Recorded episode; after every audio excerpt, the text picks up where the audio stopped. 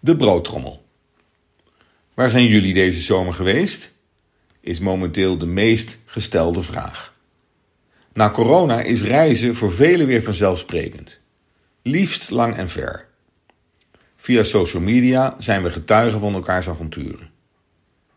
Ook ik ben op pad geweest. Met gezin. Prachtig en heerlijk. In Marokko troffen wij uiterste.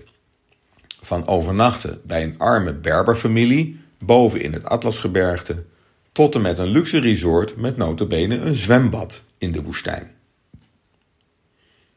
Onze vakantie vol contrasten miste zijn uitwerking niet. We kregen heerlijke discussies over rijkdom, welzijn, immigratie en geld.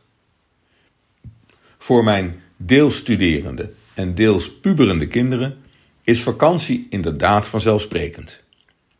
Voor mij persoonlijk overigens niet. Ik heb van huis uit niet meegekregen hoe mooi, leerzaam en relativerend het is om de wereld te ontdekken. Dat is geen verwijt, het zat er gewoon niet in. Maar ik vind het voor mijn kinderen wel belangrijk. Zo zijn er meer verschillen tussen de 70er jaren en nu. Goed deels technologie gedreven. Denk bijvoorbeeld aan die ene vaste bakkelieten telefoon in de gang vroeger, versus nu een smartphone voor iedereen. Maar evenzeer geld gedreven. Er was vroeger geen geld voor nieuwe sokken. Die werden met naald en draad gestopt. En zo smeerden wij elke ochtend een paar boterhammen voor in de broodtrommel mee. Tegenwoordig is het gangbaarder voor de lunch een luxe broodje te kopen. De verschillen tussen generaties, toen en nu, en locaties, daar en hier, maakten ons als gezin deze vakantie bewust van hoe goed we het hebben. En dat het niet zo vanzelfsprekend is als dat het lijkt. Het kan morgen anders zijn.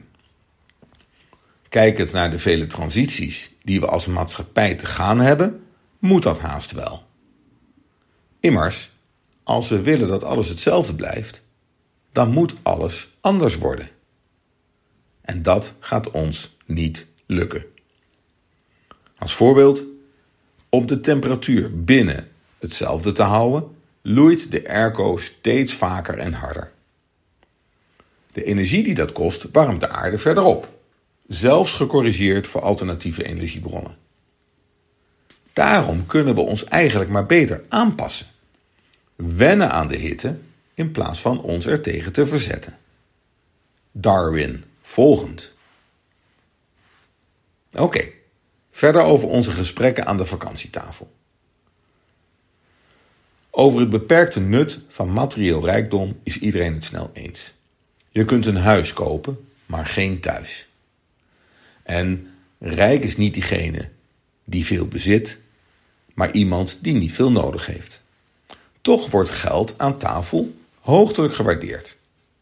Als middel om vrijheid, zorg, etc. te kopen voor jezelf en voor anderen. En als middel om je waarde als professional, vakman en werknemer uit te drukken. Daarmee wordt een waardevolle wisselwerking zichtbaar tussen vrijheid en verantwoordelijkheid. Vrijheid moet je dus verdienen. En dat doe je door verantwoordelijkheid voor jezelf en voor anderen. Met geld als ruilmiddel. Elke dag is er die keuze voor verantwoord gedrag. Het leven is immers hoe je omgaat met dingen die je gebeuren. Terug naar de vakantie, of liever door naar de werkende realiteit. Ik hoop dat u nog kunt doorgenieten van de zomervibe. En ik ben trots op onze vakantieinzichten. Maar ik maak me geen illusies.